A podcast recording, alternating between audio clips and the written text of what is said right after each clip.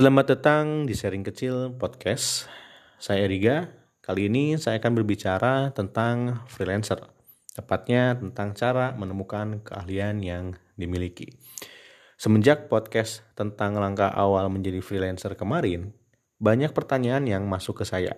Kebanyakan pertanyaannya tentang bagaimana mencari tahu skill yang kita miliki ini cocok untuk freelance. Ketika ditanya hal ini, saya sebenarnya bingung harus menjawab seperti apa. Tapi saya akan coba untuk menjawab berdasarkan preferensi saya pribadi, berdasarkan konsep yang saya rancang selama ini untuk saya pribadi. Karena saya juga pernah berada di posisi tersebut. Jadi, ketika Anda merasakan Anda belum mengetahui keahlian apa yang Anda miliki yang cocok untuk di dunia freelance, hal pertama, tidak perlu panik karena bukan hanya Anda saja yang pernah merasakannya. Di dunia ini terlalu banyak pilihan yang menarik untuk dicoba.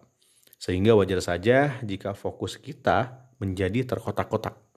Mengakui bahwa kita punya suatu keahlian itu memerlukan keberanian. Tapi saya yakin setiap orang dilahirkan dengan keahlian mereka sendiri. Setiap orang dilahirkan dengan skill mereka sendiri. Untuk yang masih berjuang mencari apa keahlian kita untuk mengarungi samudera freelance, langkah pertama yang saya lakukan adalah membuat daftar pekerjaan yang biasa dikerjakan para freelancer.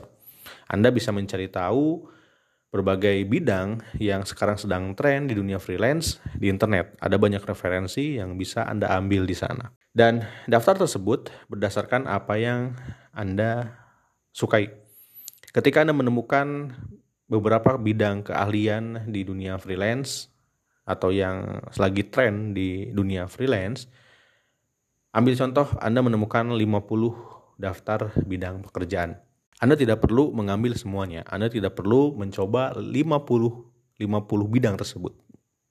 Tapi Anda yang perlu Anda lakukan hanyalah memilih bidang tersebut yang sesuai dengan apa yang Anda sukai. Berdasarkan apa yang menurut Anda bisa melakukannya atau tidak. Lalu coba untuk membuat proyek mandiri sebagai latihan. Tapi proyek ini dibuat seserius mungkin. Karena jika bidang tersebut cocok, karya dari proyek mandiri ini bisa menjadi portofolio pertama Anda. Dan jika bisa, Coba semua bidang yang Anda buat daftarnya di awal, buat karya sendiri, seolah-olah Anda sedang mendapatkan klien. Dan ketika proses pencarian, ini yang terpenting dan ini yang saya lakukan. Kurangi minta pendapat orang lain tentang apakah Anda cocok dengan bidang tersebut atau tidak. Nah, kenapa? Karena nantinya eh, yang mereka akan katakan itu berdasarkan opini mereka, berdasarkan pengalaman mereka. Sehingga nantinya ditakutkan Anda akan bingung, ya, Anda akan bingung. Dan otomatis juga Anda dan orang lain bidang kesukaannya akan berbeda. Jadi ingat kurangi untuk minta pendapat orang lain tentang apakah Anda cocok atau tidak dengan bidang tersebut. Baru setelah Anda merasa cocok dengan salah satu bidang, Anda bisa meminta pendapat orang lain tentang hasil karya pertama Anda dalam bidang tersebut. Jika Anda melakukan berbagai macam bidang atau mempraktekkan berbagai macam bidang, Anda bisa tanya orang lain satu persatu mengenai hasil karya pertama Anda, portofolio pertama Anda, bagaimana pendapat mereka. Nantinya, bidang-bidang tersebut akan saling memberikan feedback. Ada feedback gagal dan ada feedback berhasil. Seiring waktu berjalan, Anda akan lebih mudah untuk menimbang kelebihan dan juga kekurangan Anda di setiap bidang tersebut.